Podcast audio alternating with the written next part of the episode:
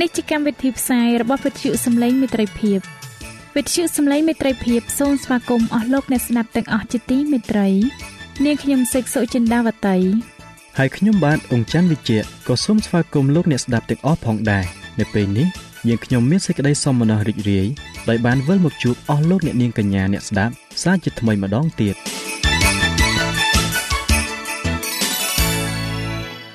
នាងខ្ញុំសេកសុចិន្តាវតី សូមជម្រាបជូនកម្មវិធីផ្សាយដែលមានជាបន្តបន្ទាប់ដូចតទៅនេតិជំហានទៅកាន់ព្រះគ្រីស្ទនេតិផ្លូវសម្រាប់ជីវិត ចា៎លោកអ្នកស្ដាប់ជាទីមេត្រី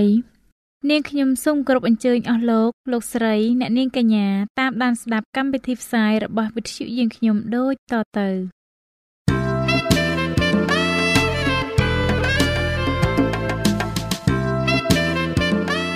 នីតិជំហានទៅកាន់ព្រះគ្រីស្ទ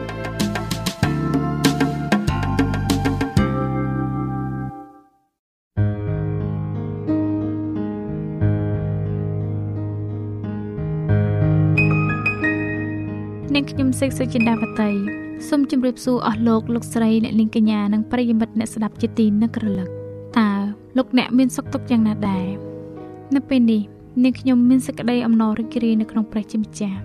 ដែលនាងខ្ញុំបានមានកិត្តិយសវិលមកជួបលោកអ្នកសាជាថ្មីម្ដងទៀតនៅក្នុងកម្មវិធីជំហានទៅកាន់ព្រះគ្រីស្ទហើយនៅពេលនេះដែរនាងខ្ញុំសូមលើកយកវគ្គបញ្ចប់នៃប្រធានបទមុនដែលមានចំណងជើងថាសេចក្តីអំណររីករាយក្នុងព្រះអង្គម្ចាស់មកជម្រាបជូនដល់លោកអ្នកស្ដាប់ដូចតទៅព្រះយេហូវ៉ានឹងធ្វើឲ្យបុត្រាបុត្រីរបស់ទ្រង់អសប្បាយមានចិត្តសន្តិភាព មានចិត្តគោរពប្រតិបត្តិដល់ព្រះ ព្រះយេស៊ូវមានព្រះបន្ទូលនៅក្នុងព្រះគម្ពីរយូហានជំពូក14ខ27ថាខ្ញុំឲ្យសេចក្តីសុខសាន្តរបស់ខ្ញុំដល់អ្នករាល់គ្នា ហើយដែលខ្ញុំឲ្យនោះ មិនមែនដូចជាលោកីឲ្យទេកុំឲ្យចិត្តរបស់អ្នករាល់គ្នាថប់បារម្ភឬភ័យឡើយរីឯនៅក្នុងព្រះគម្ពីរយូហានជំពូក15ខ11បានចែងថាខ្ញុំបាននិយាយសេចក្តីទាំងនោះប្រាប់ដល់អ្នករាល់គ្នា ដើម្បីឲ្យសេចក្តីអំណររបស់ខ្ញុំ បាននៅជាប់នឹងអ្នករាល់គ្នា ហើយឲ្យសេចក្តីអំណររបស់អ្នករាល់គ្នា បានពោពេញផងអស់លោកអ្នកជាទីមេត្រី សុភមង្គលដែលបានមកដោយមូលហេតុអាត្មានិយមក្រៅអំពីផ្លូវនៃព្រះជាម្ចាស់គឺមិននឹងណមិនទៀងទាត់និងមិនថិតថេរឡើយសុភមង្គលនោះនឹងបាត់បង់ទៅ ហើយចិត្តគេនឹងពោពេញទៅដោយភាពឯកោ និងទុក្ខព្រួយប៉ុន្តែ មានសេចក្តីអំណរអសប្បាយនិងការពេញចិត្តនៅក្នុងកិច្ចការបម្រើព្រះជាម្ចាស់អ្នកគ្រីស្ទៀនមិនដែលត្រូវបោះបង់ចោលហើយឲ្យដើរតាមផ្លូវដែលមិនច្បាស់លាស់នោះសោះឡើយគេមិនដែលទទួលការបោះបង់ទុកឲ្យនៅក្នុងការខកចិត្តឥតអំពើនោះទេ ប្រសិនបើយើងមិនមានការសប្បាយនៅក្នុងជីវិតនោះ យើងមានតែអំណរសប្បាយដោយសារតែយើងមានរំពឹងដល់ជីវិត នាពេលអនាគតដែលព្រះជាម្ចាស់នឹងប្រទានឲ្យជាពិតអស់លោកអ្នកជាទីមេត្រីទោះជាយ៉ាងណាក៏ដោយអ្នកគ្រីស្ទៀនអាចមានអំណរសប្បាយក្នុងការរួមសម្ព័ន្ធនឹងព្រះគ្រីស្ទគេអាចមានពន្លឺនៃសេចក្តីស្រឡាញ់របស់ទ្រង់ផាសុកភាពដ៏ជានិរន្តរៈនៃវត្តមានរបស់ទ្រង់គ្រប់ជំហាននៅក្នុងជីវិតអាចនាំឲ្យយើងចូលទៅចិត្តព្រះគ្រីស្ទយេស៊ូវអាចផ្ដល់ឲ្យយើងនៅ ការពិសោធន៍ដ៏ជ្រាលជ្រៅឡើងអំពីសេចក្តីស្រឡាញ់របស់ទ្រង់ហើយនាំឲ្យយើងឈានមួយជំហានថែមទៀតទៅចិត្តលំនៅស្ថានដ៏សុខសាន្តប្រកបដោយពរដូច្នេះសូមកុំឲ្យយើងបោះបង់ចោលនៅសេចក្តីទំនុកចិត្តរបស់យើងឡើយក៏ប៉ុន្តែសូមឲ្យយើង មានការធានាអះអាងដ៏រឹងមាំលើសជាងពេលមុនទៅទៀតវិញផងចុះ ត្បិតនៅក្នុងព្រះគម្ពីរសាមយូអែលទី1ចំពុក7ខ12បានចែងថាដរាបដល់ពេលឥឡូវនេះព្រះយេហូវ៉ាបានជួយខ្ញុំ ហើយទ្រង់នឹងជួយរហូតដល់ទីបញ្ចប់អស់លោកអ្នកសូមក្រឡេកមើលទៅសសរនៃវិមាន ដែលជាសេចក្តីរំលឹកយើងនៅអ្វីៗដែលព្រះយេហូវ៉ាបានធ្វើដើម្បីកំសាន្តចិត្តយើង និងជួយសង្គ្រោះយើងឲ្យផុតពីកណ្ដាប់ដៃនៃមេបំផ្លិចបំផ្លាញ ដែលយើងស្គាល់ច្បាស់ថាជាមេសាតាំងចូលយើងចងចាំជានិច្ចនៅក្នុងអារម្មណ៍នៃយើង នៅទឹកភ្នែកដែលទ្រង់បានជូតសម្អាត ការឈឺចាប់ដែលទ្រង់បានជួយសម្រាល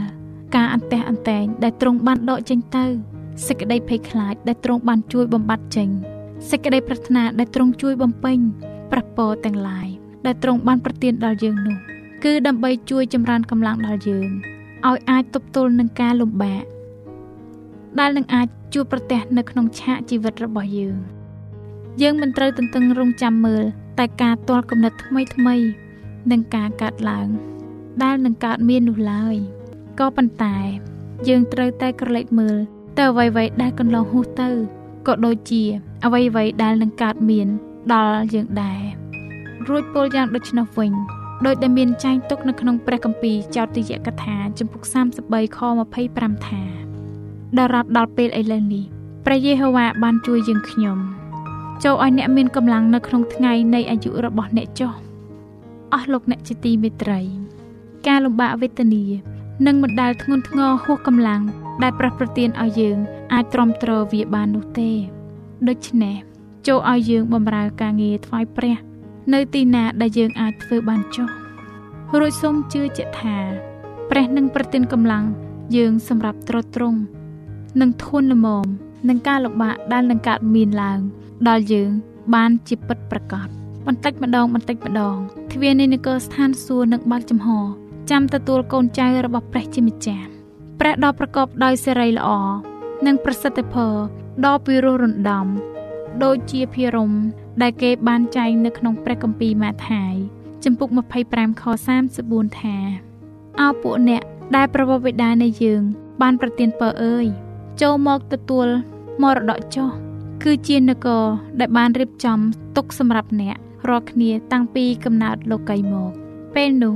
អ្នកដែលបានសង្គ្រោះត្រូវបានប្រោះលោះដោយសារការសុគតរបស់ព្រះគ្រីស្ទនិងបានទទួលការស្វាគមន៍ឲ្យចូលមកក្នុងដំណាក់ដែលព្រះយេស៊ូវបានរៀបចំទុកសម្រាប់ពួកគេ នៅឯទីនោះមិត្តរបស់គេនឹងពុំមែនជារបស់ផងលោកី ដ៏អប្រ័យជាមនុស្សកំពូតឬអ្នកគោរពរូបសំណាកឬមិនបរិសុទ្ធនិងអ្នកដែលគ្មានជំនឿឡើយក៏ប៉ុន្តែ គេនឹងចូលរួមជាមួយអ្នកទាំងឡាយណា ដែលឈ្នះទៅលើមាសតាំងហើយដែលតាមរយៈព្រះគុណនៃព្រះជាម្ចាស់អត្តចរិតដ៏ល្អឥតខ្ចោះបានចាប់កំណើតឡើងគ្រប់ទាំងទំនោរដែលទាញទៅរកអំពើបាបគ្រប់ទាំងភាពមិនបរិសុទ្ធដែលធ្វើឲ្យគេមានទុក្ខវេទនានៅលើផែនដី ក៏ត្រូវបានបំបត្តិចោលបង់គឺដោយសារតែព្រះលោហិតរបស់ព្រះគ្រីស្ទហើយភាពដ៏អស្ចារ្យនិងភ្លឺថ្លានៃសេរីល្អរបស់ទ្រង់ដែលលើសអស់ទាំងពន្លឺដ៏ត្រចះត្រចង់នៃព្រះអាទិត្យក៏បានប្រទានឲ្យដល់គេសោភ័ណភាពខាងសិលធម៌ដ៏ល្អឥតខ្ចោះនៃលក្ខណៈរបស់ទ្រង់នឹងបញ្ចាំងចេញពីចិត្តគេមក ហើយភ្លឺលើសអស់ទាំងភាពរុងរឿងទាំងឡាយដែលនៅខាងក្រៅផង អស់លោកអ្នកដែលកំពុងស្ដាប់វិទ្យុសំឡេងមិត្តភាពជាទីមេត្រី ក្នុងទស្សនវិជ្ជានៃមរតកដ៏អស្ចារ្យដែលអាចក្លាយជាកម្មសិទ្ធិរបស់មនុស្សជាតិតើមនុស្សយកអ្វីទៅដូរឲ្យបានប្រលឹងរបស់ខ្លួនវិញ នៅក្នុងព្រះគម្ពីរម៉ាថាយចំពុក16ខ26ប្រហែលជាគេជាអ្នកក្រក្រៃមែនក៏ប៉ុន្តែ នៅក្នុងខ្លួនរបស់គេ គឺមានទ្រព្យសម្បត្តិនិងកិត្តិយសដែលលោកីនេះមិនអាចប្រគល់ឲ្យបានសោះឡើយ ដោយនៅសិទ្ធិដ៏វិសេសវិសាលដែលឧទ្ទិសថ្វាយចំពោះកិច្ចការបម្រើព្រះជីវិតមនុស្សម្នាក់ដែលបានប្រោះលោះនិងលាងសម្អាតពីអំពើបាប នោះមានតម្លៃដ៏លើសលប់ក្រៃលែងហើយនឹងមានអំណរសប្បាយនៅឯស្ថានសួគ៌នៅក្នុងវត្តមាន នៃព្រះជាម្ចាស់និងពពួកទេវតាបរិសុទ្ធទៅលើមនុស្សម្នាក់ដែល បានទទួលការប្រោះលោះគឺជាអំណរដែលសម្ដែងចេញជាទំនុកនៃជ័យជំនះរបស់ទ្រង់ អស់លោកអ្នកដែលកំពុងស្ដាប់វិទ្យុសំឡេងមេត្រីភាពជាទីមេត្រី រហូតមកដល់ពេលនេះលោកអ្នកបានតាមដានស្ដាប់កម្មវិធីជំហានទៅកាន់ព្រះគ្រីស្ទជាមួយនាងខ្ញុំសេកសុចិន្តាវតីក៏បានឈានដល់ទីបញ្ចប់ហើយ នាងខ្ញុំសង្ឃឹមថា តាមរយៈមេរៀននេះ អាចជាជំនួយជួយលោកអ្នកឲ្យបានស្គាល់ផ្លូវព្រមទាំងវិធី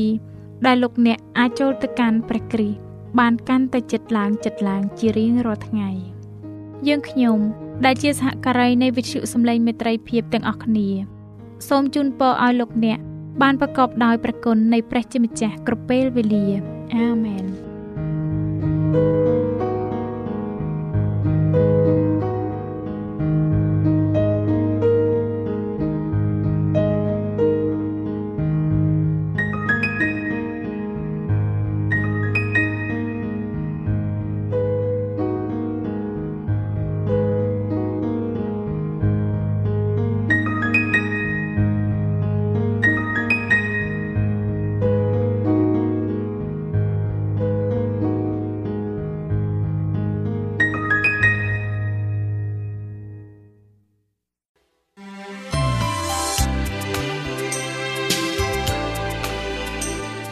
ទ្យុសំឡេងមេត្រីភាព AWR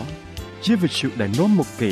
ក្នុងការនាំព្រះរាជសាររបស់ព្រះជាម្ចាស់សម្រាប់លោកអ្នក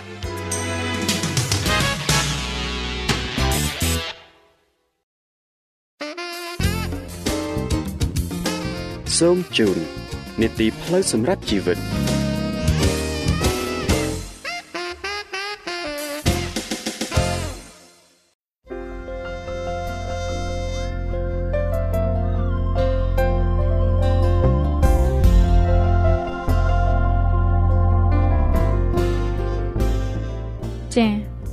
អស់លោកអ្នកស្ដាប់ជាទីមេត្រី ជាបន្តទៅទៀតនេះនាងខ្ញុំសូមថ្លែងអំណរគុណយ៉ាងជ្រាលជ្រៅ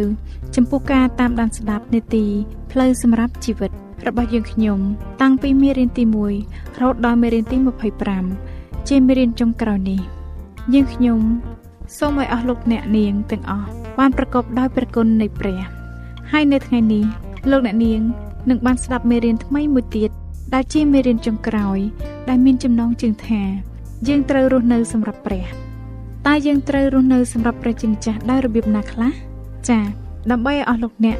យល់កាន់តែច្បាស់ថែមទៀតនៅមេរៀនថ្មីនេះនាងខ្ញុំសូមគោរពអញ្ជើញអស់លោកអ្នកនាងតាមដានស្ដាប់មេរៀនទី25ភាគទី2ជាភាគបញ្ចប់ដែលនឹងជម្រាបជូនដល់លោកអង្គច័ន្ទវិជ្ជៈដូចតទៅនីតិផ្លូវសម្រាប់ជីវិតរស់នៅសម្រាប់ព្រះ សូមលោកអ្នកអញ្ជើញទៅរកព្រះក្នុងសេចក្តីអធិស្ឋានរាល់ពេលវេលាចុះដើម្បីសូមសេចក្តីជំនួយពីព្រះអង្គមិនថានៅពេលឈឺឬនៅពេលណាឡើយប្រហែលជាមនុស្សដែលលោកអ្នកស្រឡាញ់ម្នាក់ថ្វាយព្រះជាម្ចាស់នៅឡើយដូច្នេះសូមកុំភ្លេចអធិស្ឋានឲ្យគេផងព្រោះសេចក្តីអធិស្ឋានដ៏ស្ថិតស្ថេររបស់លោកអ្នកអាចជួយបន្ធូរចិត្តរឹងត្អឹងរបស់មនុស្សជាច្រើនបានសេចក្តីអធិស្ឋាន ជាអំណាចដ៏ធំធេងណាស់ពេលលោកអ្នកអធិស្ឋាន គឺលោកអ្នកស្រែកហៅជំនួយនៅអាស្ថានសួគ៌សូមបន្តការអានព្រះគម្ពីរហើយសិក្សាឲ្យបានច្បាស់លាស់ត្បិតព្រះវិញ្ញាណបរិសុទ្ធនឹងធ្វើជាគ្រូរបស់លោកអ្នកសូមកុំឲ្យទទួលយកសេចក្តីបង្រៀនសាសនាណាមួយលើកគិតណាតែសេចក្តីបង្រៀនទាំងនោះស្របទៅក្នុងព្រះគម្ពីរទាំងស្រុងបើលោកអ្នកនិយាយគ្នាពីរឿងសាសនាលោកអ្នកនឹងឃើញថាមានជំនឿចម្លែកចម្លែកជាច្រើននៅក្នុងពិភពលោកនេះដូច្នេះ មុនពេលនឹងយល់ព្រមទទួលទ្រឹស្ដីណាមួយសូមឲ្យពិនិត្យមើលឲ្យបានហ្មត់ចត់ថាតើវាដូចជាសេចក្តីបង្រៀននៅក្នុងព្រះគម្ពីរដែរឬទេ គឺមានតែព្រះគម្ពីរតែមួយគត់ដែលជាមគ្គុទេសរបស់លោកអ្នកសាតាំងមិនចូលចិត្តឲ្យលោកអ្នកអានព្រះគម្ពីរទេដើម្បីឲ្យទៅជាអ្នកគ្រីស្ទៀនមួយដ៏រឹងប៉ឹងសូមអានព្រះគម្ពីរឲ្យបានរាល់ថ្ងៃបើតាមទំនាយនោះនឹងមានពេលវេលាមួយ ដែលច្បាប់របស់ប្រទេសជាច្រើននឹងហាមប្រាម មិនឲ្យមានការអធិប្បាយសេចក្តីពិតទាំងអស់នេះដើម្បីឲ្យលោកអ្នកបានប្រាប់អ្នកដតីនៃព្រះគម្ពីរដ៏ធំធេងនេះសូមឲ្យអត់ធ្មត់ជានិច្ចនេះគឺជាការមួយដ៏សំខាន់ដែលលោកអ្នកត្រូវធ្វើគ្រាន់តែចេះព្រះគម្ពីរមិនទាន់គ្រប់គ្រាន់ទេគឺលោកអ្នកត្រូវបង្ហាញសេចក្តីពិតទាំងនេះដល់មនុស្សផ្សេងទៀតតាមក្នុងជីវិតប្រចាំថ្ងៃរបស់លោកអ្នកដូចជាមនុស្សម្នាក់និយាយថាជីវិតលោកអ្នកគឺជាព្រះគម្ពីរតែមួយគត់ដែលមនុស្សផងទាំងពួងគេធ្លាប់បានអាន នៅសម័យចុងក្រោយនេះការអត់ធ្មត់គឺសំខាន់ជាងអ្វីអ្វីទាំងអស់សូមប្រឡេកមើលទៅពួកសិស្សក្នុងពេលកន្លងមកហើយដែលគេបានឆ្លងកាត់តាមរយៈព្រះគម្ពីរហេព្រើរចំពុក11ខ36និងខ37បានសម្ដែងប្រាប់យើងថាពួកគេបានទទួលរងគ្រោះដោយសេចក្តីល្បួងដោយមានគេចំអកឲ្យទាំងវាដោយរំពឹងក៏ទ្រាំទាំងជាប់ចំណងនិងជាប់គុកផងត្រូវគេចោលនឹងដុំថ្មល្បួង ហើយអាបណ្ដាច់ត្រូវស្លាប់នឹងដែរត្រូវដើររវិងរវាមដោយស្លៀកស្បែកជាមនិងស្បែកពពែត្រូវកំសត់ទុរគតត្រូវគេសង្កត់សង្កិនហើយធ្វើបាបព្រះយេស៊ូវបានមានបន្ទូលថែមទៀតនៅក្នុងព្រះគម្ពីរម៉ាថាយចំពុក5ខ10និងខ11ថាមានពរហើយអស់អ្នកណាដែលត្រូវគេបៀតបៀនដោយព្រោះសេចក្តីសុចរិតត្បិតនគរស្ថានសួគ៌ជារបស់អ្នកទាំងនោះអ្នករស់គ្នាមានពរក្នុងការដែលគេជេរបៀតបៀន ហើយនិយាយបង្ខំគ្រប់អស់សេចក្តីអាក្រក់ពីអ្នករស់គ្នាដោយព្រោះរូបខ្ញុំប្រហែលជាលោកអ្នកត្រូវគេសើចចំអកដោយសារលោកអ្នករស់នៅហើយរងចាំព្រះយេស៊ូវយាងត្រឡប់មកវិញដូច្នេះសូមលោកអ្នករស់នៅដោយរបៀបជាជីវិតដែលពោពេញទៅដោយសេចក្តីអត់ធ្មត់សូមឲ្យការចងចាំអំពីមនុស្សនៃក្រុមជំនុំសម័យចុងក្រោយរបស់ព្រះគម្ពីរដែលបានចែងនៅក្នុងព្រះគម្ពីរវិវរណៈចំពុក14ខ12ថា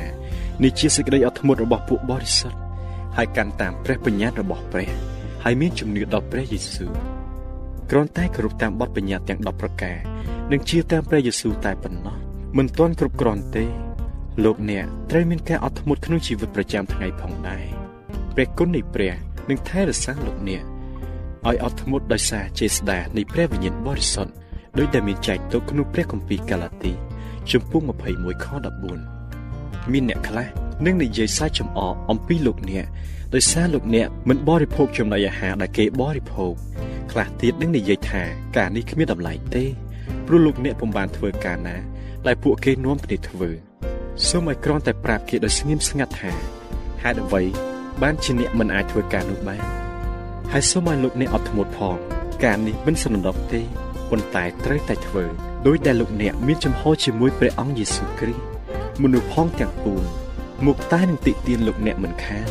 ពួកគេនឹងអាចខំប្រឹងប្រែងច្បិចយកលោកអ្នកចេញជាដុំតូចតូចហើយលោកអ្នកនឹងមិនអាចឆ្លើយនឹងពាក្យថ្កោលរបស់គេ ទៅនឹងគម្ពីរបានទេប៉ុន្តែលោកអ្នកអាចរស់នៅតាមសេចក្តីពិតនៅចំពោះមុខគេជានិច្ចជីវិតនៃអ្នកគ្រីស្ទៀនដ៏ទូលាយរបស់លោកអ្នកនឹងคล้ายទៅជាធម៌មួយ ដែលអាចលើកយកមកអធិប្បាយបានកត្តាដ៏ល្អដែលលោកអ្នកបានបញ្ជាក់មេរៀនទាំងនេះដោយជោគជ័យ មិនត្រឹមតែបានទទួលសញ្ញាបានប៉ុណ្ណោះទេប៉ុន្តែជាពិសេសទៅទៀតគឺជីវិតលោកអ្នកផងដែរបើលោកអ្នកបានធ្លាប់និយាយអ្វីមិនសមគួរទៅរកអ្នកណាម្នាក់សូមអញ្ជើញទៅសុំទោសអ្នកនោះវិញផងបើគាត់ឃើញថាលោកអ្នកសម្រេចថានឹងធ្វើឲ្យបានត្រឹមត្រូវនោះការនេះនឹងជួយគាត់ឲ្យបានសម្រេចកិច្ចការដើម្បីព្រះយេស៊ូវជាជាមិនខានប៉ុន្តែអ្វីដែលសំខាន់បំផុតហើយប្រសើរជាងអ្វីអ្វីទាំងអស់នោះគឺ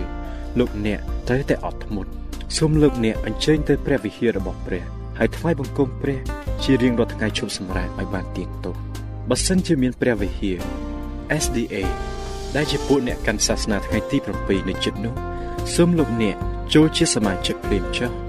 ហើយទៅវិហារនោះឲ្យបានទៀងទាត់បើសិនជាគ្មានទេនោះលោកអ្នកអាចធ្វើបុណ្យជ្រមុជទឹកនៅវិហារណាដែលកាន់តាមថ្ងៃជប់សម្រាប់ដោយទៅឯផ្ទះលោកគ្រូគង្វាលលោកអ្នកអាចមានសាលារៀន ថ្ងៃជប់សម្រាប់គ្រូសហគមន៍របស់លោកអ្នកមានមេរៀនថ្ងៃជប់សម្រាប់បានរៀបចំឡើងដោយឡែក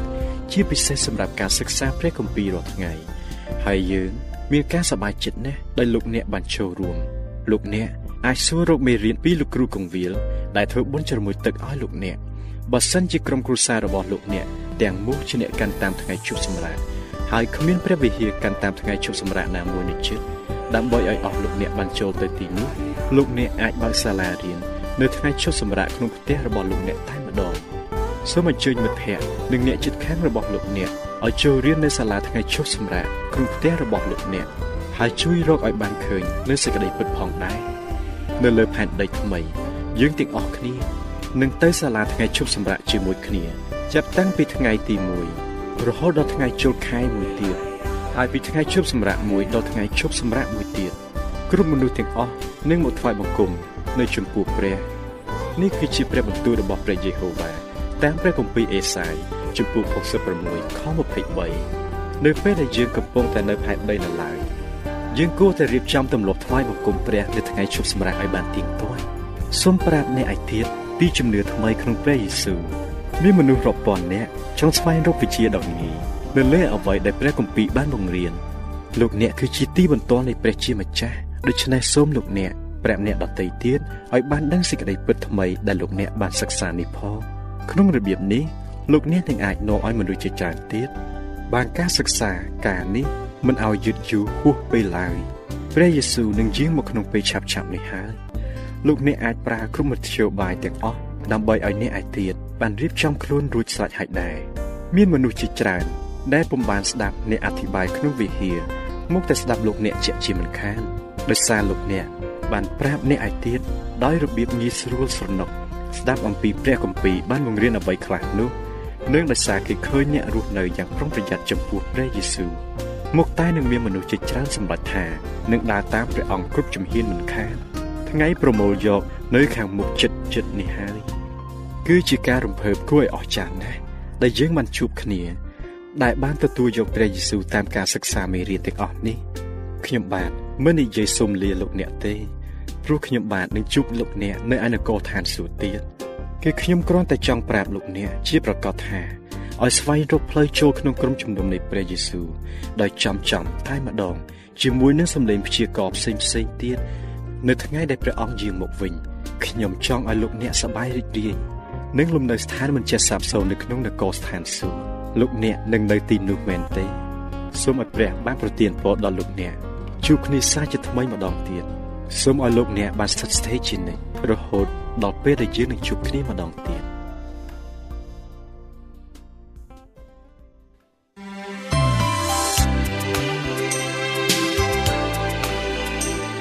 វិទ្យុសំឡេងមេត្រីភាព AWR មានផ្សាយពីរដងក្នុងមួយថ្ងៃ គឺព្រឹកនៅម៉ោង6និងពេលយប់នៅម៉ោង8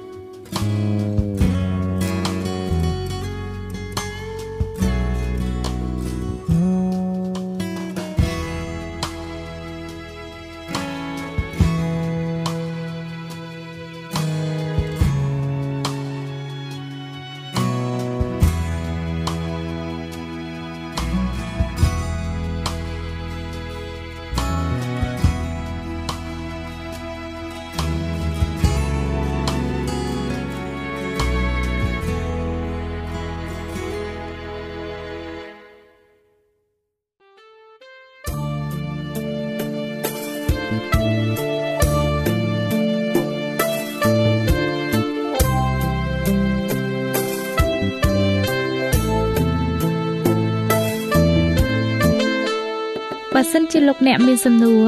ឬសំណុំពរអ្វីសូមតាក់ទងមកការិយាល័យវិទ្យុយើងខ្ញុំ តាមអាស័យដ្ឋានផ្ទះលេខ15ផ្លូវលេខ568សង្កាត់បឹងកក់2ខណ្ឌទួលគោករាជធានីភ្នំពេញលោកអ្នកក៏អាចសរសេរសម្បត្តិផ្ញើមកយើងខ្ញុំ តាមរយៈប្រអប់សម្បត្តិលេខ488ភ្នំពេញឬតាមទូរស័ព្ទលេខ012 34 96 64ឬ097 80 81 060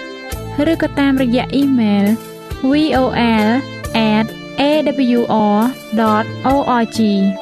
យើងខ្ញុំរងចាំទទួលស្វាគមន៍អស់លោកអ្នកនាងដោយក្តីសោមនស្សរីករាយហើយលោកអ្នកក៏អាចស្ដាប់កម្មវិធីនេះឡើងវិញដោយចូលទៅកាន់ website របស់វិទ្យុយើងខ្ញុំ តាមរយៈអាស័យដ្ឋាន www.awr.org